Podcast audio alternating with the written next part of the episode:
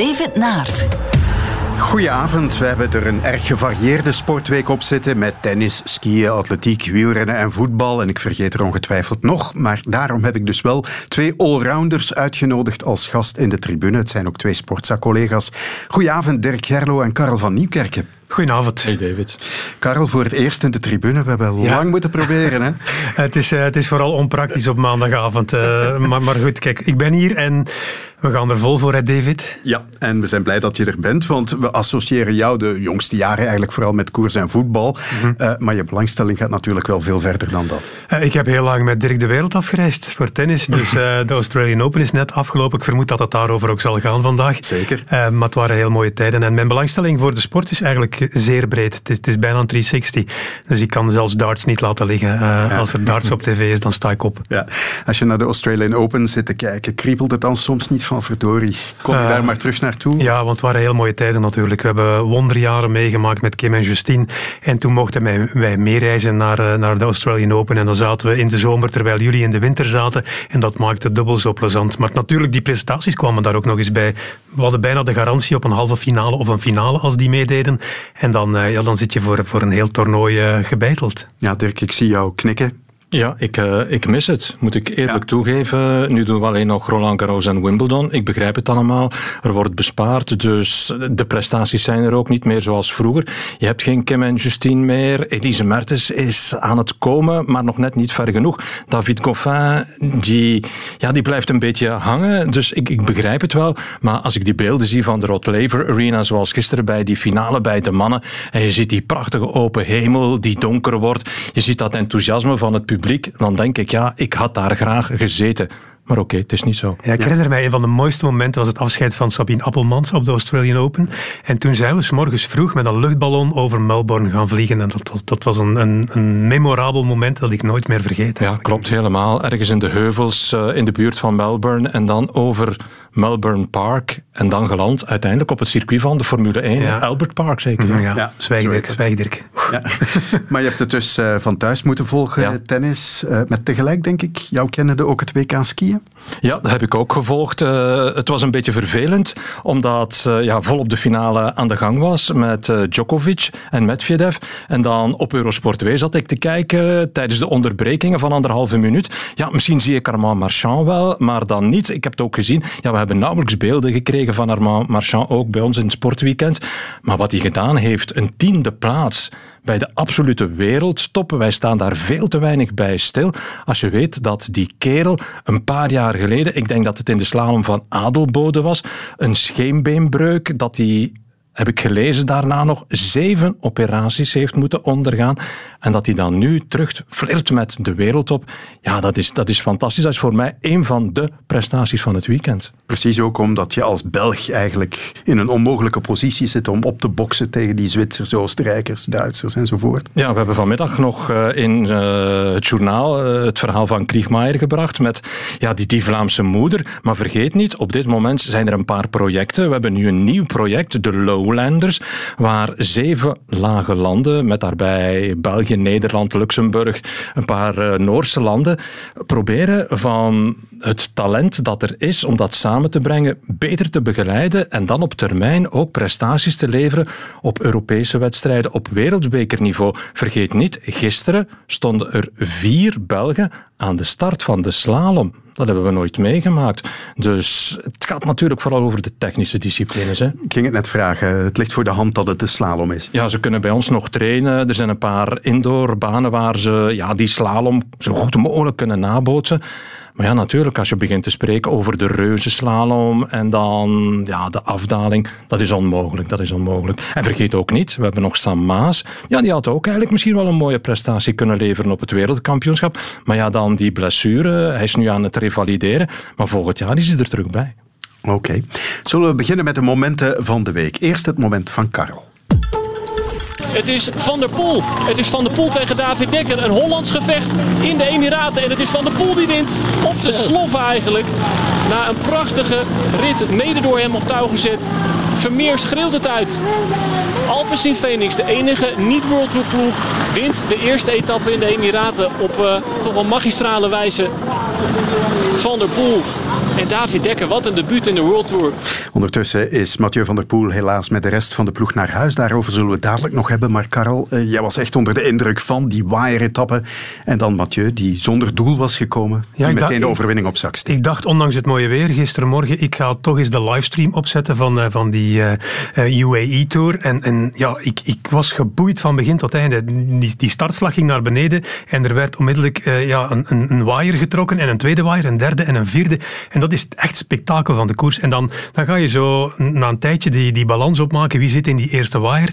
En zo waren met, met 26 en daar zaten niet zoveel Belgen bij. Daar zat uh, een Kenneth van Bilzen bij, Roy Jans zat daarbij en Gianni Vermeers. En natuurlijk Mathieu van der Poel, die, die ook mee was. En dan, dan zie je die tweede wire proberen, aanmächtig proberen om daar naartoe te rijden. Maar dat, dat, dat lukt dan niet. Anderhalve minuut, dat bleef stagneren. Een minuut 15, weer 1,24. Om uiteindelijk ja, helemaal te plooien. Want ik denk dat de tweede wire op acht minuten is binnengekomen. op het moment dat ze capituleren, dan, dan loopt die eh, achterstand enorm op. Maar het was echt wel een spektakel. En dan, dan zie je mannen als een Kenneth van Bilzen en een Gianni Vermeers ontzettend veel werk leveren onderweg om de kopmannen in stelling te houden. Voor Van Bilzen was dat Viviani, voor Vermeers Van der Poel.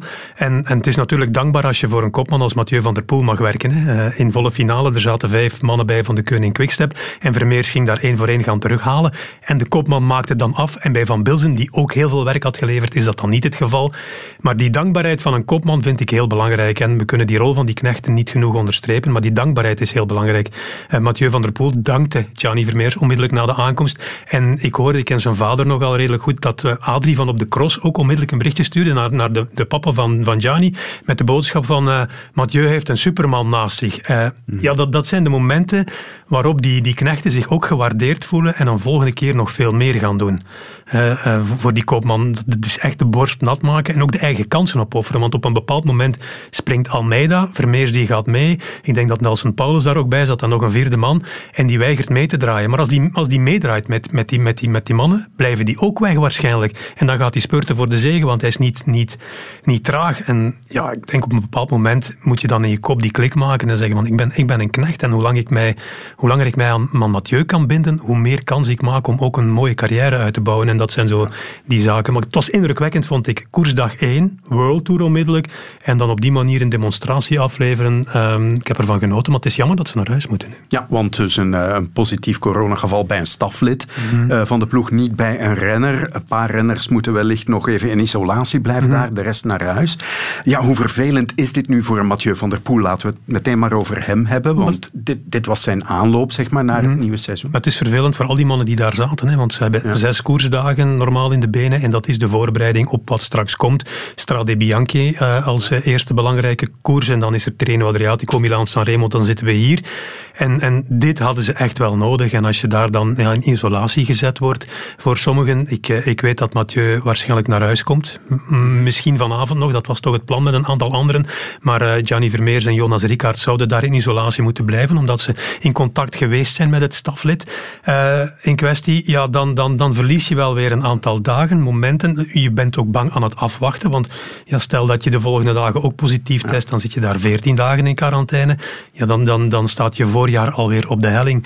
En het is, een, um, ja, het is, het is, een wetmatigheid waarmee coureurs hebben moeten leren leven de voorbije, de voorbije maanden. En ja, helaas, eh, als je erdoor getroffen wordt, word je pas geconfronteerd met hoe hard uiteindelijk ja, dit, dit uh, verdikt is. Ja, en zou hij zaterdag dan toch aan de start komen van de omloop, denk je? Uh, goh, uh, Speculeren ik weet, natuurlijk. Ik weet dat dat in overweging wordt genomen en dat als de kopman zegt ik wil de omloop het nieuwsblad rijden, dan gaat er iemand plooien of moeten wijken, maar um, zover zijn we nog niet. Ik, ik denk dat we daar allicht morgen of overmorgen meer nieuws over gaan krijgen. Dat gaan we dan ook in de gaten houden. En dit is het moment van Dirk.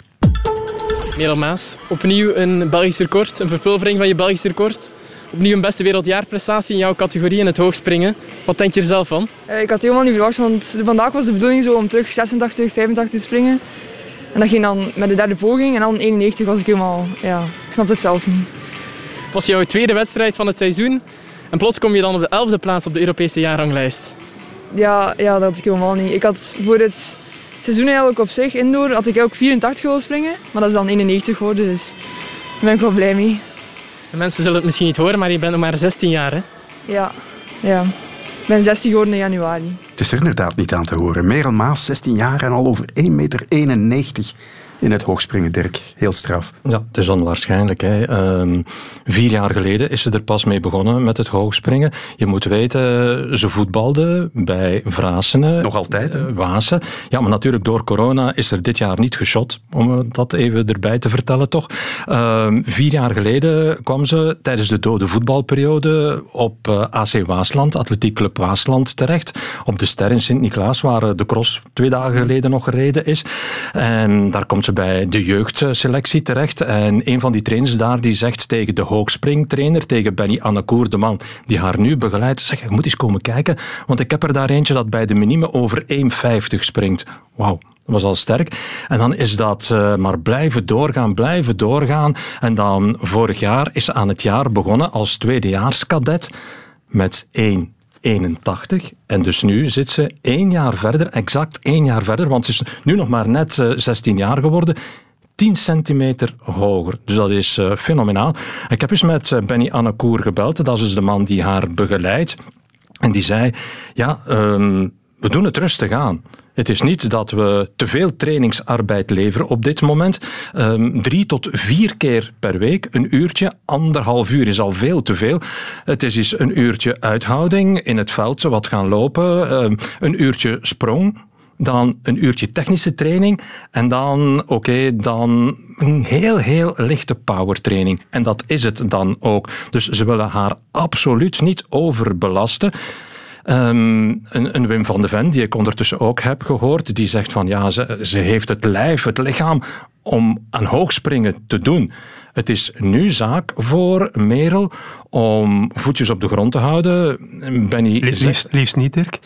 Als ze de voetjes op de grond houdt, dan, dan, dan gaat ze niet meer hoog. nee, dat is waar. Dat is waar. Maar haar, uh, haar coach Benny zegt van, ja, het is geen strekenkont. Uh, ze weet heel goed waar ze mee mhm. bezig is, maar... Uh, Zo klinkt ze ook, hè? Ja, ze klinkt voor 16 jaar heel volwassen al. Eh, ze hebben haar gisteren geïnterviewd op TV Oost. En samen met haar coach. En de nuchterheid, ja, die straalde ze echt wel uit. Um, en nu is het uitkijken wat ze gaan doen. Want het is zowel voor Merelmaas als voor haar coach onontgonnen terrein waar ze nu terecht gaan komen. Uh, die Benny heeft haar begeleid tot nu toe op nationaal niveau. Ze zouden nu over een paar weken mogelijk mee kunnen doen aan het Europees Indoor Kampioenschap. Maar ja, dat heeft hij ook nog nooit meegemaakt als coach. Dus nu heb ik begrepen vanuit de federatie gaan ze niet alleen Merel, maar gaan ze ook Benny begeleiden om hem ja, een beetje wegwijs te mhm. maken in alles wat rond zo'n kampioenschap hangt. Maar Benny is ervan overtuigd dat zij het potentieel heeft om op termijn echt wel richting de twee meter te gaan. En Wim van de Ven die zegt ook, belangrijk van nu niet te stagneren, maar beetje bij beetje sprongen, zoals we afgelopen jaar heeft gemaakt, dat wordt natuurlijk moeilijk. Ze gaat niet nog eens op een jaar 10 centimeter bij doen. Maar nu zal het vooral zaak zijn van regelmaat te kweken. Van regelmatig een meter 85, 86, misschien eens nog naar die 1,90 te gaan. En als je die regelmaat hebt, ja, dan kan je beginnen denken aan oké, nu doen we er nog eens een centimeter bij en nog eens een centimeter. Maar niet vergeten, ze is Ocharme, 16 jaar natuurlijk. Hè. Ja, op dit moment beste wereldjaarprestatie. Ja, als je, als je het op die leeftijd bekijkt, is 5 centimeter beter bij de U18 dan de tweede in de wereld. Dus dat, dat, is fenomenaal. En ik las ook, als ze voetbal bij Vraasen staat ze linksback of rechtsback en ze verliest geen enkel luchtduel. Wat, wat, wat niet mag verbazen, verbazen natuurlijk. 82 is ze. Ja. En, en uh, dan, dan, dan, las ik ook dat haar opa is, is haar grootste fan en die, die hoopte stiekem op een meter 90 toch. Dus die moet haar wel goed kennen. Die dacht, ze gaat een meter 90 springen op het BK. Het was nog een centimeter beter. Maar ik heb het ook wat gevolgd uh, via de livestream allemaal, ook dat, dat BK. Ja, het, het, is heel straf. Ik denk dat we de belofte van het jaar al kennen, David. Oei, dat is wel heel vroeg. Het sportgala zit nog heel, heel ver van ons af, maar ja. uh, het, is wel heel straf. En de... we hebben het bij de mannen, ook die Thomas Carmois, uh, ja, die 2,28 heeft gesprongen, Europees competitie. Zat alleen in competitie, want dit was natuurlijk een heel raar kampioenschap. Vergeet dat niet. Hè. Een aantal atleten die, alleen gewoon alle atleten die niet op de elitelijst stonden, mochten niet deelnemen. Dus uh, dan het hoogspringen ja, was alleen met Norvits en met Merel Maas. Carmois moest helemaal alleen gaan springen. Begin er maar aan. Hè. Je, hoogspringen is ook zo'n discipline waar je rekent op de steun van het publiek. Doe het nu maar alleen. Hè. Dus ja, het is fantastisch. En de druk van je tegenstander ook. Hè. Die, die gaat over 2,25 meter. Ik moet wel over die 2,28. En dan, ja, in, in dit geval wordt, wordt prestatie alleen nog straffer. Ja, dat is in het algemeen wel zo, vind ik. Die atletiekmeetings, die micromeetings ook die we hebben gehad overal. Eigenlijk wordt er op een echt een goed niveau ja, ik, ik, ik, ben verbaasd dat er zo goed, zo hard gewerkt en getraind is de voorbije maanden. Er zijn heel veel nieuwe namen. Ik was bijvoorbeeld ook heel blij om te kunnen zien dat een René Eikens, die haar topsportcontract was kwijtgeraakt, ja oké, dat hij 202 loopt op de 800 meter en dat hij weer ja, erbij hoort, dat hij weer naar het Europees kampioenschap. Als je ziet een Alexander Doom, dat hij de 400 meter wint, dat er concurrentie komt voor de Borlees op de 400 meter, dat zijn allemaal echt wel heel goede signalen. Die Rani Roosjes, noem ze allemaal maar op. Hè. De tribune. Vooraf was er veel twijfel of de Australian Open Tennis wel een normaal verloop zou kennen met die coronagevallen waardoor vele spelers lange tijd in quarantaine moesten, maar het is dus wel gelukt. En meer zelfs, het is een erg onderhoudend toernooi geworden. Nirvana for Novak is nine Australian Open titles. The world number one, majestic Melbourne again. It has been definitely one of the emotionally most challenging Grand Slams that I've ever had, with everything that was happening, you know, injury and off the court stuff, quarantines, and has been, um, least to say, roller coaster ride in the last, you know, four weeks. Het was ook een eh, boeiende ervaring voor Novak Djokovic. Uh, het enige wat, wat tegenviel, misschien Dirk, waren de finales. Zowel bij de mannen als de vrouwen. Na wat we de voorbije twee weken te zien hebben gekregen? Of ben ik nu te streng? De spanningsboog is niet lang genoeg volgehouden, zowel bij de vrouwen als bij de mannen, vond ik. We hebben in de eerste set eh, een heel goede Medvedev gezien. Nadat hij 0-3 was achtergekomen, is hij nog enorm teruggekomen. Jennifer Brady heeft een goede eerste set gespeeld. Maar daarna zag je ook dat, ja, dat een Djokovic en een Osaka gewoon te sterk waren. Het heeft ook natuurlijk heel veel van doen met ervaring. Novak Djokovic zit aan om en bij de 30 Grand Slam finales, als ik me niet vergis. Osaka, ja, in vergelijking met Jennifer Brady, die komt eigenlijk pas van vorig jaar een beetje kijken. Um, dus die speelde haar vierde Grand Slam finale. Dus die hebben natuurlijk wel dat surplus dat de andere twee niet hadden. Maar ja, natuurlijk, je hebt altijd liever een, een finale in drie sets bij de vrouwen, een, een vijfsetter. Vorig jaar Djokovic tegen team was een fantastische finale bij de mannen. Dat hebben we nu wel gemist, dat is waar. Ja, en op, op basis van, van vorig jaar dan, hè, die, die finale tegen team, maar dan ook later de Masters, had je zo de indruk, die grote drie zijn aan het wankelen. Het zou wel eens kunnen dat die anderen het gaan overnemen, wel, het is nog niet aan de orde. Um, zeker niet op de grote momenten. De manier waarop Djokovic die finale naar zijn hand zet, is, is fenomenaal. Hè? En hij, hij heeft nu een extra motivatie. Nadal en Federer zitten aan 20 Grand Slam toernooien, hij heeft er 18. Ja. Dus de, de race is on, heb ik uh, Goran Ivanisevic horen zeggen. Zijn, uh, zijn coach en die, ja, die, die liet wel verstaan dat Djokovic daarover wil. En ik zie het ook wel gebeuren, want op het moment dat, uh, dat Federer um, uh, kwam, of, of, al bezig was en Djokovic kwam, Federer had op het moment dat Djokovic zijn eerste Grand Slam toernooi won, had hij al 12 Grand Slams gewonnen. Dus dat betekent eigenlijk dat het in de periode Federer-Djokovic, als ze samenspeelden, 18-8 staat in het voordeel van, van Djokovic. Dus ik zie, ik zie hem echt wel nog, nog een Grand Slam of 5, 6 winnen heeft nog een paar jaar te gaan natuurlijk ook. Hij moet nog 34 worden. Nadal wordt er 35. Federer wordt er van de zomer 40. Ja, ik denk eigenlijk dat dit het laatste jaar is van Federer. Die, mhm. die gaat naar alle waarschijnlijkheid afscheid nemen in Basel, denk ik, voor mhm. eigen publiek. En dan hebben we het gehad. Hè. Dus ja, we moeten rekenen vooral op Rafael Nadal nog, om nog één, twee keer Roland Garros te winnen. Ik denk dat... Maar ook alleen daar, toch? Ja, vergeet niet, Nadal heeft ook wel al twee keer, als ik me niet vergis, Wimbledon gewonnen. Heeft ook al een paar keer de US Open gewonnen. Uh, zou je dat nu nog kunnen? Als hij blessurevrij blijft, denk ik dat het er toch nog altijd in zit. Ja, misschien wel, maar ik vrees er wel voor. Ik denk dat ah. Djokovic daar een streepje voor heeft en dat team en Medvedev ook nog altijd aan het komen zijn, dat het steeds moeilijker wordt voor Nadal om een van die drie anderen te gaan winnen. Dus ik zie Djokovic die race aan het eind van het verhaal uiteindelijk wel in zijn voordeel beslechten. Maar uh, over Federer gesproken, Dirk, weet je nog, 2001 waren we samen op Wimbledon, denk ik. Uh, Ivan Isevic won de finale bij de mannen tegen Rafter. Geweldige match. 9-7, vijfde set. En er waren heel veel regenpauzes geweest geweest. Maar daar hebben we een eerste keer de, de grote Federer gezien. Hij was 19 jaar en hij speelde in de vierde ronde tegen, tegen Pete Sampras, Pistol Pete. En hij won die, hij won die match. En daar is zo de, de carrière voor Federer begonnen. Het heeft weliswaar nog twee jaar geduurd voor hij Wimbledon toen won in 2003. Maar dan heeft hij een reeksje neergezet, dacht ik, vijf keer op rij Wimbledon. Mhm. en, en, en een deel andere slams. Ja, maar dit is een fenomenale carrière. En ik denk als je aan de meeste mensen nu vraagt wie is de grootste tennisser aller tijden, dat ze dan Federer gaan zeggen.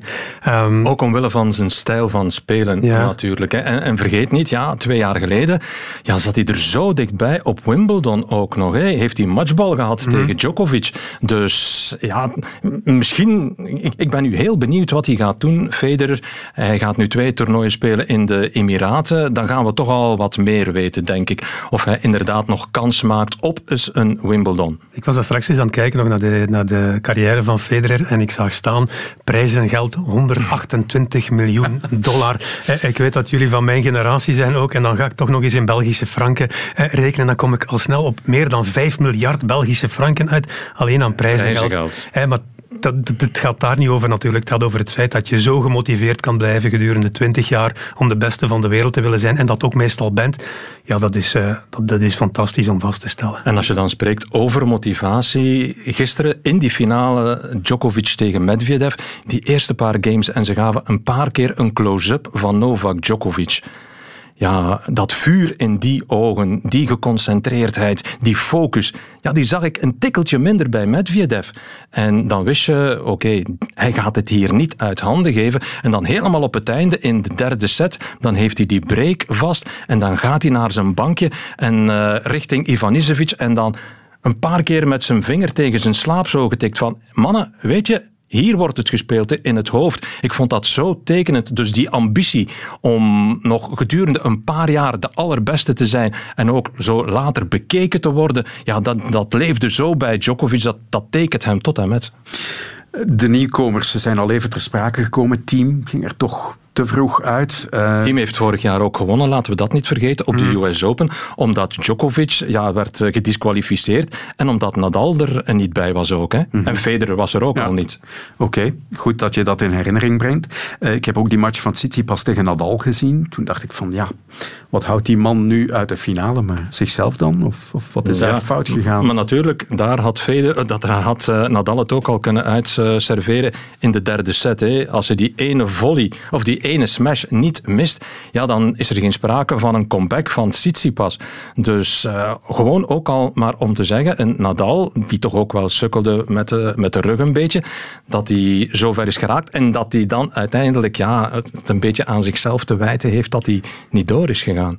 Mhm. Maar ja, inderdaad, een, een Tsitsipas, een Medvedev, eh, een Zverev. Eh, het zijn de mannen van wie we het gaan moeten krijgen. En de vraag is altijd al geweest van, ja, gaan we ooit nog zo'n generatie krijgen als de generatie Djokovic, Nadal, Federer, Murray ook nog? Dan denk ik, ja, oké, geef de tijd zijn kans. Mhm. En over een paar jaar, als die grote namen van nu een beetje uit het hoofd verdwenen zijn, ja, dan gaan zij hun generatie tot een nieuwe gouden generatie misschien wel maken. Hè?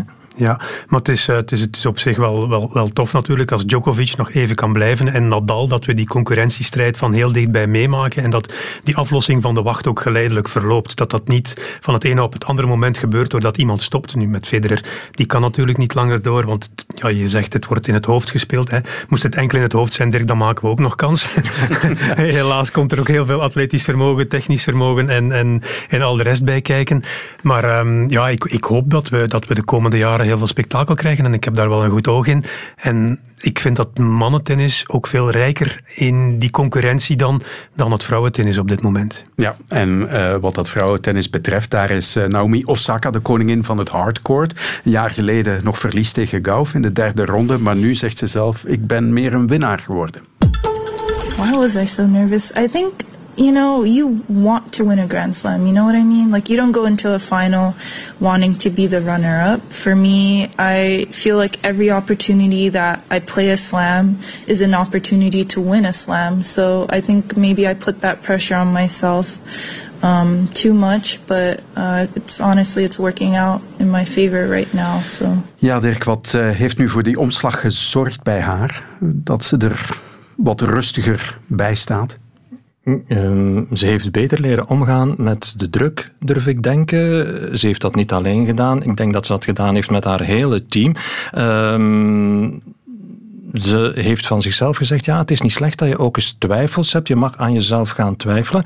Maar daar wordt ze heel goed in begeleid, denk ik, door de coach die ze nu heeft, Wim Fisset. Ehm, dat is een man die iemand de baan opstuurt met een plan. En Fisset redeneert, en ik denk dat dat een heel goede redenering is, als je met een plan de baan op gaat, dan ben je rustiger in het hoofd. En dan ga je ook makkelijker aan situaties het hoofd bieden. Als plan A niet werkt, oké, dan kan ik misschien wel terugvallen op plan B. En dat was bijvoorbeeld ook gisteren toch wel een klein beetje het geval, vond ik, in die finale. Uh, met een Naomi Osaka, ja, dan ga je gewoon af op de statistieken. Want als je gewoon naar de wedstrijd zit te kijken, is dat soms moeilijk om dat meteen allemaal te vatten. Maar achteraf zie je dan bijvoorbeeld dat eerste service net iets minder draaide dan in haar vorige wedstrijden. Oké, dan heeft Osaka van Wim Fisset ongetwijfeld meegekregen als je eerste service niet werkt, concentreer je dan maar op de terugslag op de service van Brady.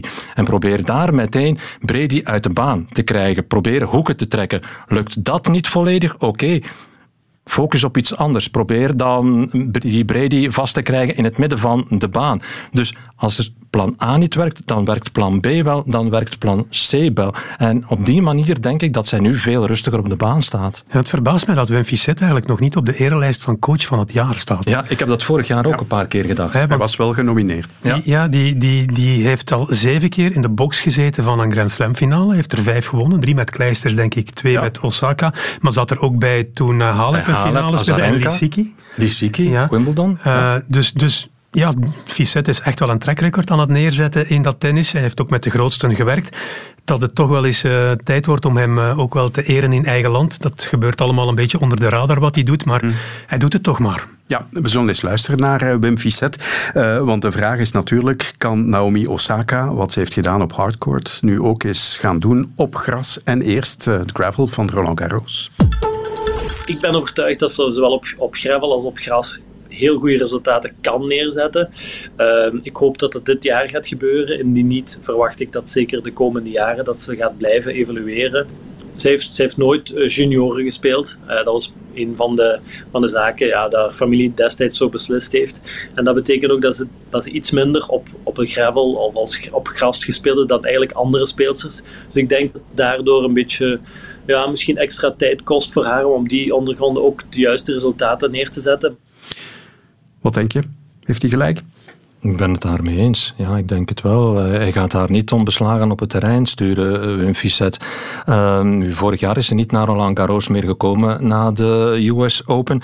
Maar nu als het seizoen een beetje verloopt zoals we het hopen, dat er weer graveltoernooien zullen zijn um, in Europa vanaf uh, april, als ze een, een, rustige voorbereiding kan krijgen, als ze die voorbereiding ook kan krijgen op gras, ja, dan zie ik niet in uh, waarom dat niet zou kunnen. Ze heeft alle slagen, hè. ze heeft de service, ze, heeft de tennis van vandaag, ze heeft uh, dus de service, ze heeft alle ground strokes. netspel is veel minder belangrijk geworden. tennis op gravel is iets sneller geworden. Tennis op gras is iets trager geworden. Dus ja, uh, ik zou mij absoluut niet verbazen dat zij uitgroeit tot een complete allrounder ook. Ja, en, en, ik denk dat er een tijdperk voorbij is. Hè. Uh, Serena Williams. Ja, dat, dat, dat, dat, is, uh, dat is definitief verleden tijd, denk ik. De persconferentie na, na afloop van haar verloren, verloren wedstrijd zei veel. Dus het werd ook eens tijd. ze heeft een ongelooflijke carrière gemaakt, maar... Terwijl ze fysiek nog eigenlijk heel goed voor de dag kwam, mm. vond ik nu op uh, de Australian Open. Ja, we, hebben ze inderdaad fysiek al minder gezien dan nu. Maar ja, en ja, nu werd ze wel. Je zegt van het is het einde van een tijdperk. Ik denk dat ook. Ze werd gewoon overpowered nu ook mm. door Naomi Osaka. Dat viel mij enorm op. Dus uh, ja, die, die, die 24ste, ik vrees ervoor. Ja. Uh, Elise Mertens, die wil ik ook nog even ter sprake brengen. Ging er iets te vroeg uit, alweer in het enkelspel. Wint dan wel de titel in het dubbel. Uh, opnieuw met Sabalenka. Um, voor die partner Sabalenka wordt het te veel. Die gaat toch meer de focus uh, leggen op het enkelspel. Maar Mertens wil de twee blijven doen. Is dat verstandig? Ik vind van wel. Ik vind persoonlijk van wel, want uh, we hebben het ook wel meegemaakt dat we speelsters horen klagen hebben toen ze op een Grand Slam zaten. En toen, toen die twee weken, eigenlijk als het eind te halen van zo'n Grand Slam, dat dat echt wel ja, mentaal, mentaal moeilijk wordt om je op te laden op de dagen dat je niet moet matchen. Dus die, die, die dubbelmatchen die, die gaan echt uh, geen invloed hebben op die enkelwedstrijden. Maar ik denk als Sabalenka uh, nu even aan de kant gaat, dat het een ideaal moment is om een Belgisch koppel te maken in, ja. uh, in dat dubbelspel. Richting Tokio. Richting Tokio. En er zijn wel wat opties natuurlijk. Hè. Um, ja. als, je, als je ziet, haar moeilijkste match met Sabalenka heeft ze gehad in de eerste ronde. En dat was tegen Alison van Uitvank met Lister, zeker de Zweedse. Dus um, ja, ik, ik, zou, ik zou die twee eigenlijk durven koppelen. Ja, Wat is ja. jouw droomkoppel als het over een dubbel gaat in Tokio? Kijk, je, je, zit nog altijd met de factor met het grote vraagteken, Kim Kleisters natuurlijk. Nu, ik, ik heb uh, afgelopen week ook nog eens uh, kunnen bellen met de manager van Kim. Dat is niet altijd evident om dat te doen, maar het is nu toch eindelijk eens gelukt. Wat was de boodschap? Kim is nog altijd volop aan het trainen. Uh, ze is helemaal fit, geen enkele blessure. Ze heeft dus wel inderdaad ook een tijd oud geweest met corona. Dat heeft toch wel haar behoorlijk wat parten gespeeld. Maar ja, er is nog altijd uh, de absolute overtuiging dat ze terug kan komen en terug wil komen. Dus nu is het uitkijken. Ergens in de loop van de maand maart zou ze haar comeback maken. Ik weet van de Fed Cup coach Johan van Herk dat vorig jaar rond deze tijd, in de periode dat ze speelde tegen Kazachstan, dat uh, Kim Kleisters toen tegen Johan van Herk heeft gezegd van ja, ik wil nog wel eens graag met jou de Fed Cup, nu tegenwoordig de Billie Jean King Cup, ik wil die graag nog wel eens spelen. Mm -hmm. ja, vergeet niet, Kim Kleisters heeft ook wel furoren gemaakt in het dubbelspel. Ze is nummer 1 geweest op de wereldranglijst. Het is minder belastend voor haar. Ze heeft die zware service. Ze heeft die ervaring aan het net. Dus het ideale koppel zou uiteraard nog altijd zijn Kleisters met Elise Mertens. Ja, perfect. Als de informatie van de manager klopt, dat ze fit is en dat ze er vol voor gaat, dan hebben we een koppel voor Tokio. En ik denk dat dat ook een trigger kan zijn voor Kim dan om, om ja, die eerste stappen weer te zetten. Ja, en want dat is... weer, weer fit te geraken, ook voor het enkelspel, als dat nog ooit uh, zal lukken. Maar in dat dubbelspel moet dat zeker kunnen. Dus uh, dan sturen we die naar Tokio. Het enige probleem is natuurlijk ook wel, en jij weet dat ook, uh, Karel, dat de ranking er moet zijn. Hm. Nu, Elise Mertens heeft het voordeel, ze staat nu in de top 10. Zij mag om het even wie, Belg uiteraard, Belgische uiteraard, kiezen die in de top 300 staat. Maar Kim Kleister staat op dit moment natuurlijk niet in de top 300. En dat liet de manager mij ook wel verstaan. Het is nu zaak van wildcards, uitnodigingen te krijgen voor toernooien. Er zijn minder toernooien mm -hmm. voor de vrouwen ook dan vroeger. Dus nu is het overal even gaan luisteren.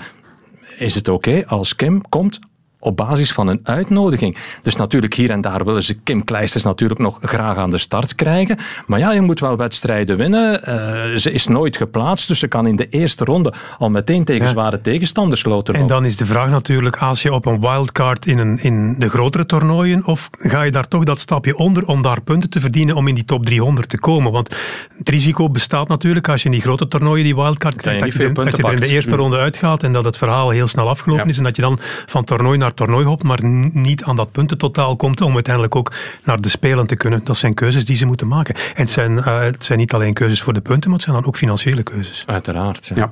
Ik wil het tennishoofdstuk afsluiten met Joachim Gerard. Dat vind ik nog zo'n onderschatte sporter in ons land. Eindelijk, eindelijk heeft hij zijn Grand Slam, na vier Masters-titels nu eindelijk een Grand Slam toernooi.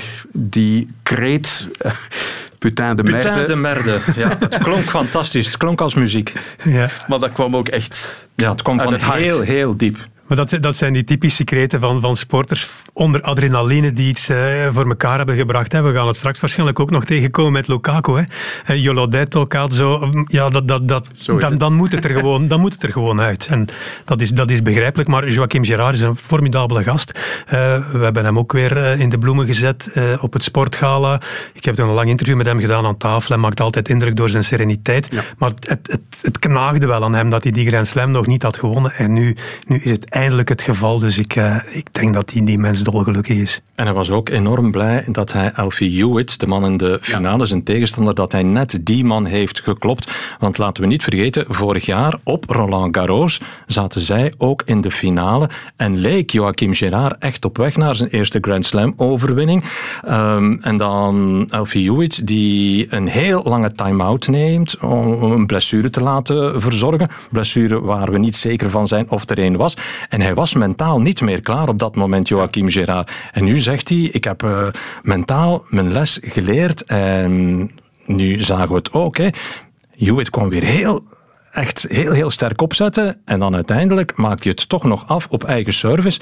Dus ja, de eerste is vaak de moeilijkste. Hij heeft ook al gezegd, zo'n Grand Slam zit een truc, een truc de fou à gagner. Dus hij weet ook dat het enorm moeilijk is. De eerste heeft hij nu, dus het zou wel eens kunnen dat hij vertrokken is voor nog een paar. De tribune. Radio 1. Mijn gasten vandaag zijn Karel van Nieuwkerken en Dirk Gerlo. Uit het internationale voetbalweekend onthouden we onder meer de comeback van Kevin De Bruyne bij Man City, maar nog veel meer in het oog springend was de Milanese derby tussen Milan en Inter. 0-3 werd het met een glansrol voor Romelu Lukaku. Maar eerst kijken naar Lukaku. Niemand kan mee. Lukaku scoort 0 tegen 3.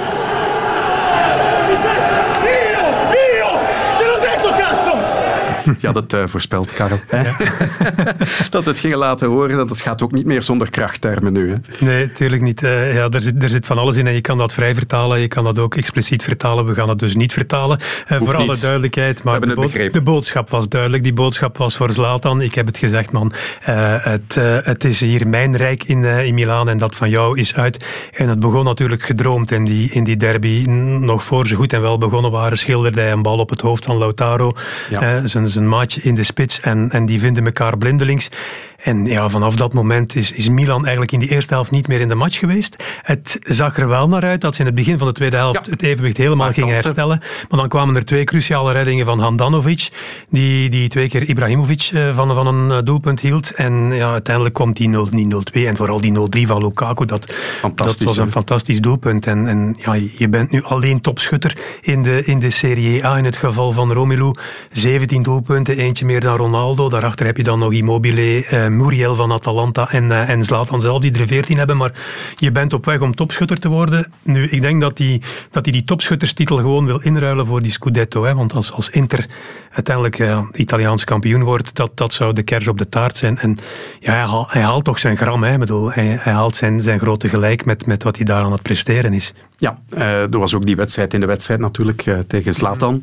Uh, na dat gedoe in, in de beker. Ja, hij heeft de puntjes wel op de i gezet, maar het, het, ging er allemaal veel beschaafder aan toe. Ja, het ging er beschaafder aan toe. Ik denk dat ze allebei beseffen dat ze toen serieus over de schreef zijn geweest. Getriggerd door Zlatan wel te verstaan. Hij heeft eigenlijk ja, de moeder van Lukaku aangevallen en heel dat voodoo-ritueel waar, waar sprake van was bij een transfer van Everton. Maar um, ja, ik, ik, denk dat ze dan wel beseft hebben, wij zijn eigenlijk allebei hele grote spelers en we moeten respect tonen voor elkaar. En bij die 3-0 was er even een close-up van, van Zlatan, waar hij uh, met, met de handjes op elkaar even, kwam. En ja, was het nu voor Lukaku, was het om de eigen ploegmaats aan te moedigen? Ik denk dat we de interpretatie moeten geven dat het voor Lukaku was, dat het eigenlijk een, uh, een, een, buiging was. Proficiat Romelu, je hebt dat eigenlijk heel goed gedaan. Je, bent ook goed om, of je hebt goed omgegaan met de omstandigheden, want er komt on, ongetwijfeld weer veel meer druk op, hè, door, door wat in het verleden gebeurd is. Ja, en als je dan onder die druk dit presteert, dan, uh, dan hoor je bij de allergrootsten in de spits ter wereld. En gaan wij hem eindelijk ook zo zien? Ja, maar ik denk dat wij hem al lang zo zien, David. En dat dat uh, verhaal ook een beetje gecultiveerd is vanuit het kamp Lukaku. Er, daar zat dan een, een, een, hele marketingstrategie achter, ook met zijn contract in Amerika. En ik, ik denk dat Lukaku door, door het gros vooral van de journalisten en de voetbalvolgers altijd heel veel respect heeft gekregen. Hoor. En in het begin werd er wel eens gezegd dat zijn eerste baltoets niet fantastisch was.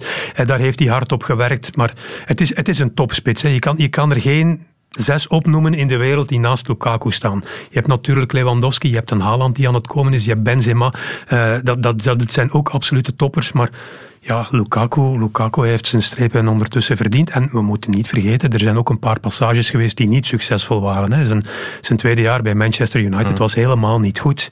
En, en, en ja, dan mag je ook kritisch zijn op dat moment, vind ik. Dat zijn we niet alleen voor Lukaku dan, maar ook voor anderen. Als Thibaut Courtois een aantal maanden geleden een, een paar keer naar naar elkaar in de fout gaat, krijgt hij ook kritiek. Maar afgelopen weekend heeft hij Real Madrid ja, de zege bezorgd, is uitgeroepen tot man van de match op eh, Valladolid.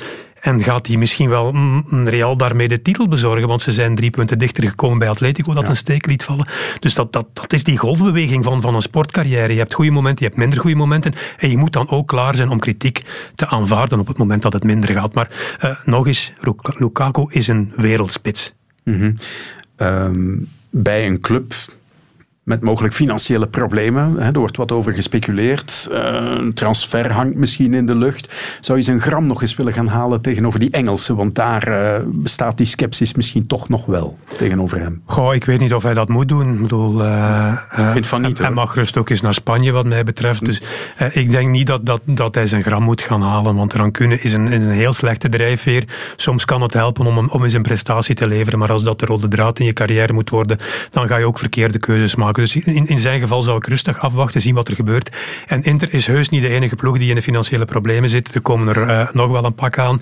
Eh, als je hoort eh, dat ze in, eh, in Feyenoord ook eh 25% eh, minder gaan betalen aan hun spelers, zomaar als mededeling hebben gedaan na de uitschakeling in de, in de Nederlandse beker, dan weet je dat het overal wel harken en, en, en krabben, krabben is. En als het over financiën gaat, moet hij al zeker niet terugkeren naar Anderlecht, zeker dan.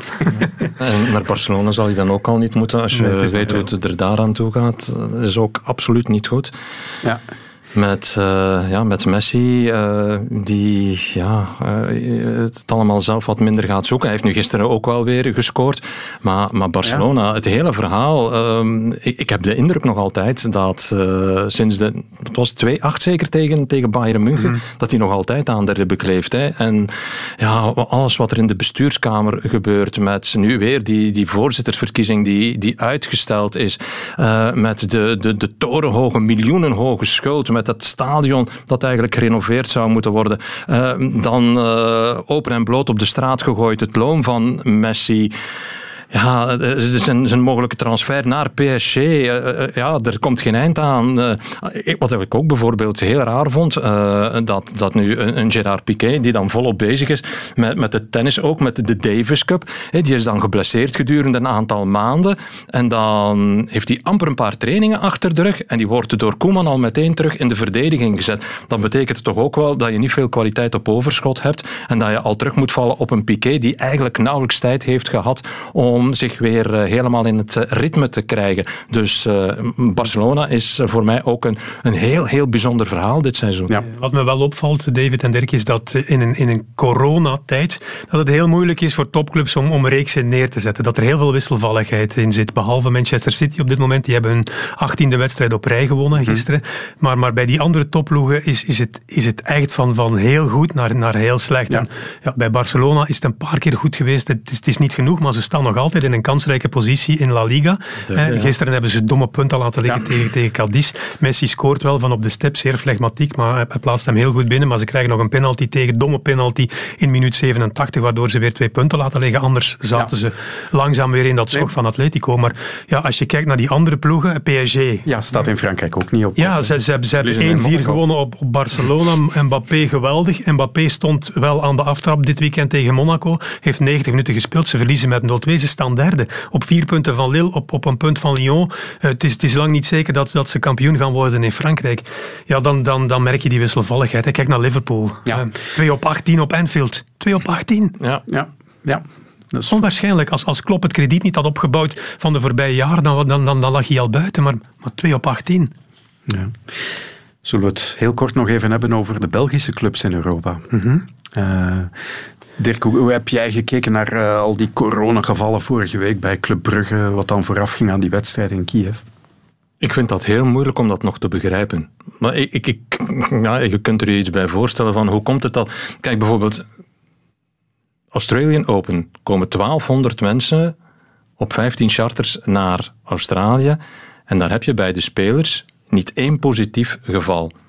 En dan kom je in het voetbal en je hebt voortdurend de ene keer is bij Club Brugge. Het is, het is, het is bijna bij elke Belgische club al geweest. Hè. Of dat nu 1A of 1B is. Maar je hebt dus voortdurend ergens wel die, die besmettingen. Waar komen die vandaan?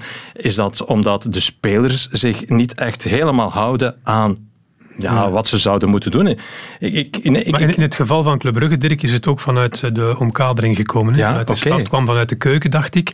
De, de kok was besmet of de, of de, de, de souschef was besmet. En op die manier is het bij de spelers beland. En natuurlijk, die spelers kan je, kan je in isolatie zetten, kan je, kan je op hotel zetten. Dat, dat zou je perfect kunnen.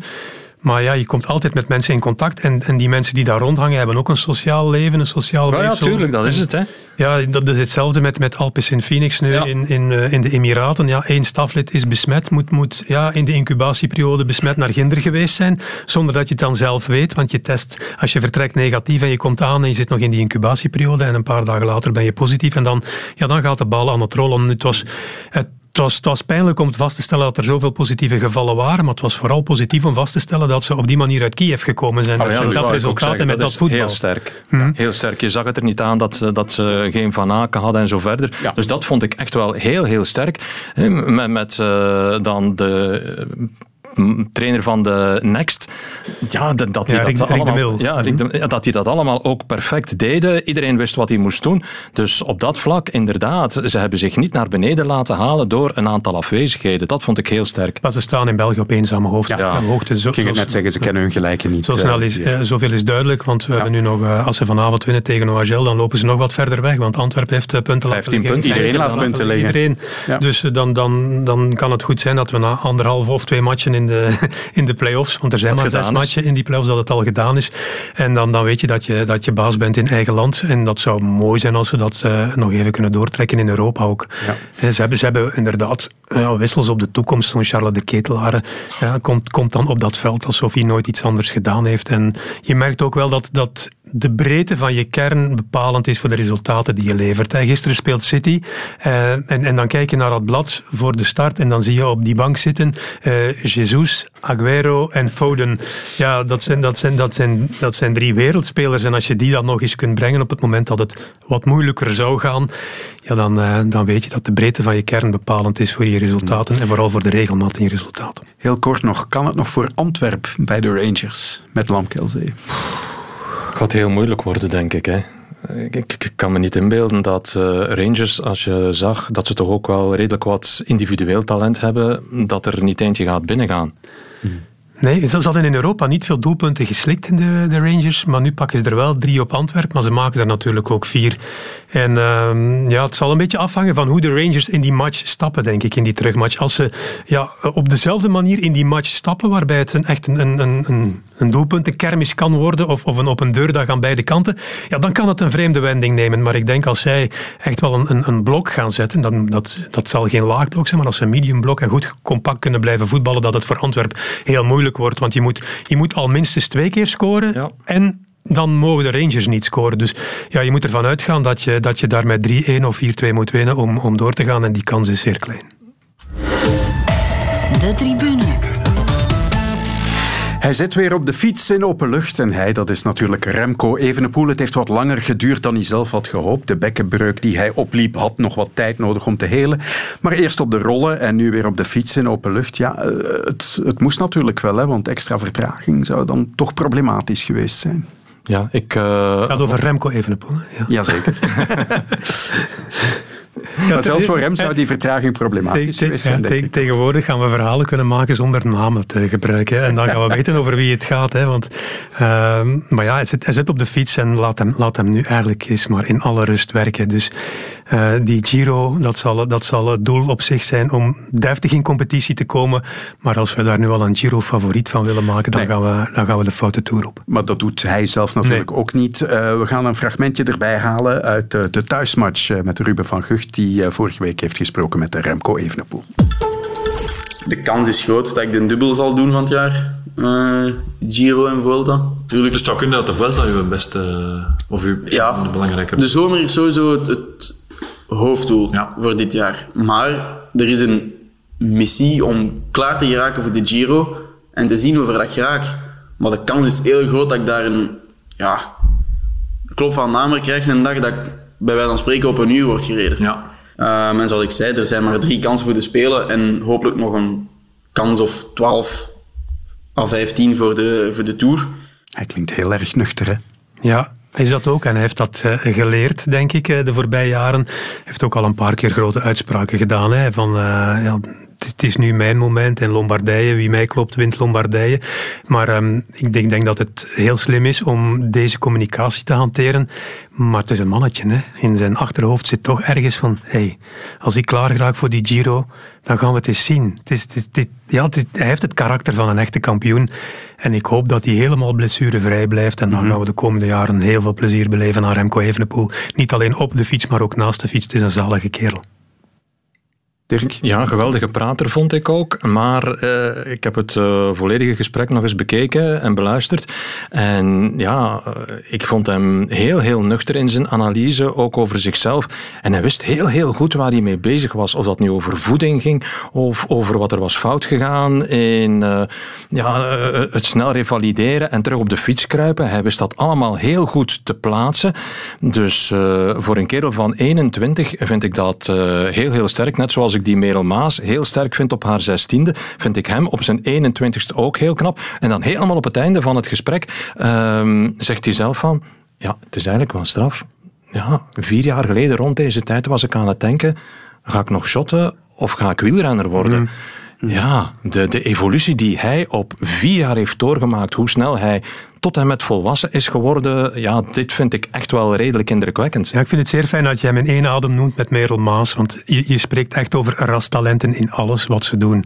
Eh, Merel ja, geboren om hoog te springen, 1,91 meter op 16-jarige leeftijd. Remco Evenepoel, geboren uithoudingsatleet. Het was een hele goede voetballer, maar hij, hij, viel daar ook vooral op door zijn, door zijn ja, volume en door mhm. zijn vermogen dat hij had. En dat, dat verhaal van die halve marathon van Brussel, dat is mij altijd bijgebleven. Die, die, die mocht na, na een match op zaterdag mocht hij niet zwaar trainen of geen zware inspanningen leveren. Op zondag mocht hooguit een, een, een kilometer of dertig wat met de fiets gaan rijden of een, of een klein toertje gaan uitlopen. En op een bepaald moment ja, gaat hij zijn coach voorbij een halve marathon lopen. Ja, die met de minder validen mee was gestart, met de rolstoelatleten. En hij gaat zijn coach voorbij en je kan dat terugvinden in de, in de statistieken van de halve marathon van Brussel. Ik denk dat hij daar dertiende of veertiende wordt in het algemene klassement bij, bij, bij de mannen hè, in, een, in een uur 16 of een uur 14. Ik denk zelfs ja, een dikke 1-10. Ja, wel ja. zoiets. Ja, is, fantastisch gelopen dan. Dan, dan. dan weet je dat je met, met, met rastalent te maken hebt. En ja, dan, dan mag je die, die mannen in hun domein alles laten doen dan komt dat bovendrijven. Ja, heel kort nog over uh, Remco. Uh, na de Giro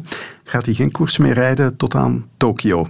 Mm Wel een hoogtestage. En, en, hij zegt van zichzelf, ja, ik weet dat ik goed terugkom. Maar kan perfect natuurlijk. Hè. Je, je gaat een tijdrit voorbereiden, voor alle duidelijkheid. Ja. Dat zal ook wel in de wegrit uh, meedoen, want je, je tijdrijders moeten automatisch starten in, in de wegrit, waardoor Wout van Aert bijvoorbeeld een streepje voor heeft op Victor Kampenaerts om, ja. om die selectie te halen. Maar, maar ja, in, in deze tijden kan dat, kan dat perfect, dat je zonder competitie eh, zo'n tijdrit voorbereidt. Of je dan natuurlijk in de wegrit top gaat zijn, dat is, dat is nog iets anders, want daar zit je met die serieuze tempoversnellingen, die, die intervalstukken, maar ook daar zal wel op getraind worden. En ja, als hij de Giro kan uitrijden, dan is de basis zeer breed natuurlijk. En ja, de, de, de, de brug naar, uh, naar Tokio is dan ook maar ja, een, een goede anderhalve maand meer. Ja, en daarmee zijn we al bijna klaar met deze aflevering van de Tribune. Afronden met de traditionele vraag: waar kijken jullie op sportief gebied nog naar uit deze week? Dirk?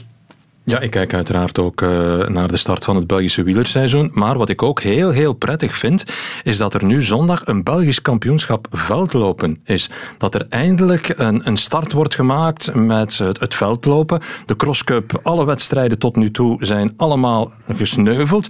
En nu uitkijken naar die eerste confrontatie in het veld. Met bijvoorbeeld ook iemand die ik persoonlijk in de gaten ga houden. Dat is uh, onze Olympische triatleet Jelle Geens, fantastische loper.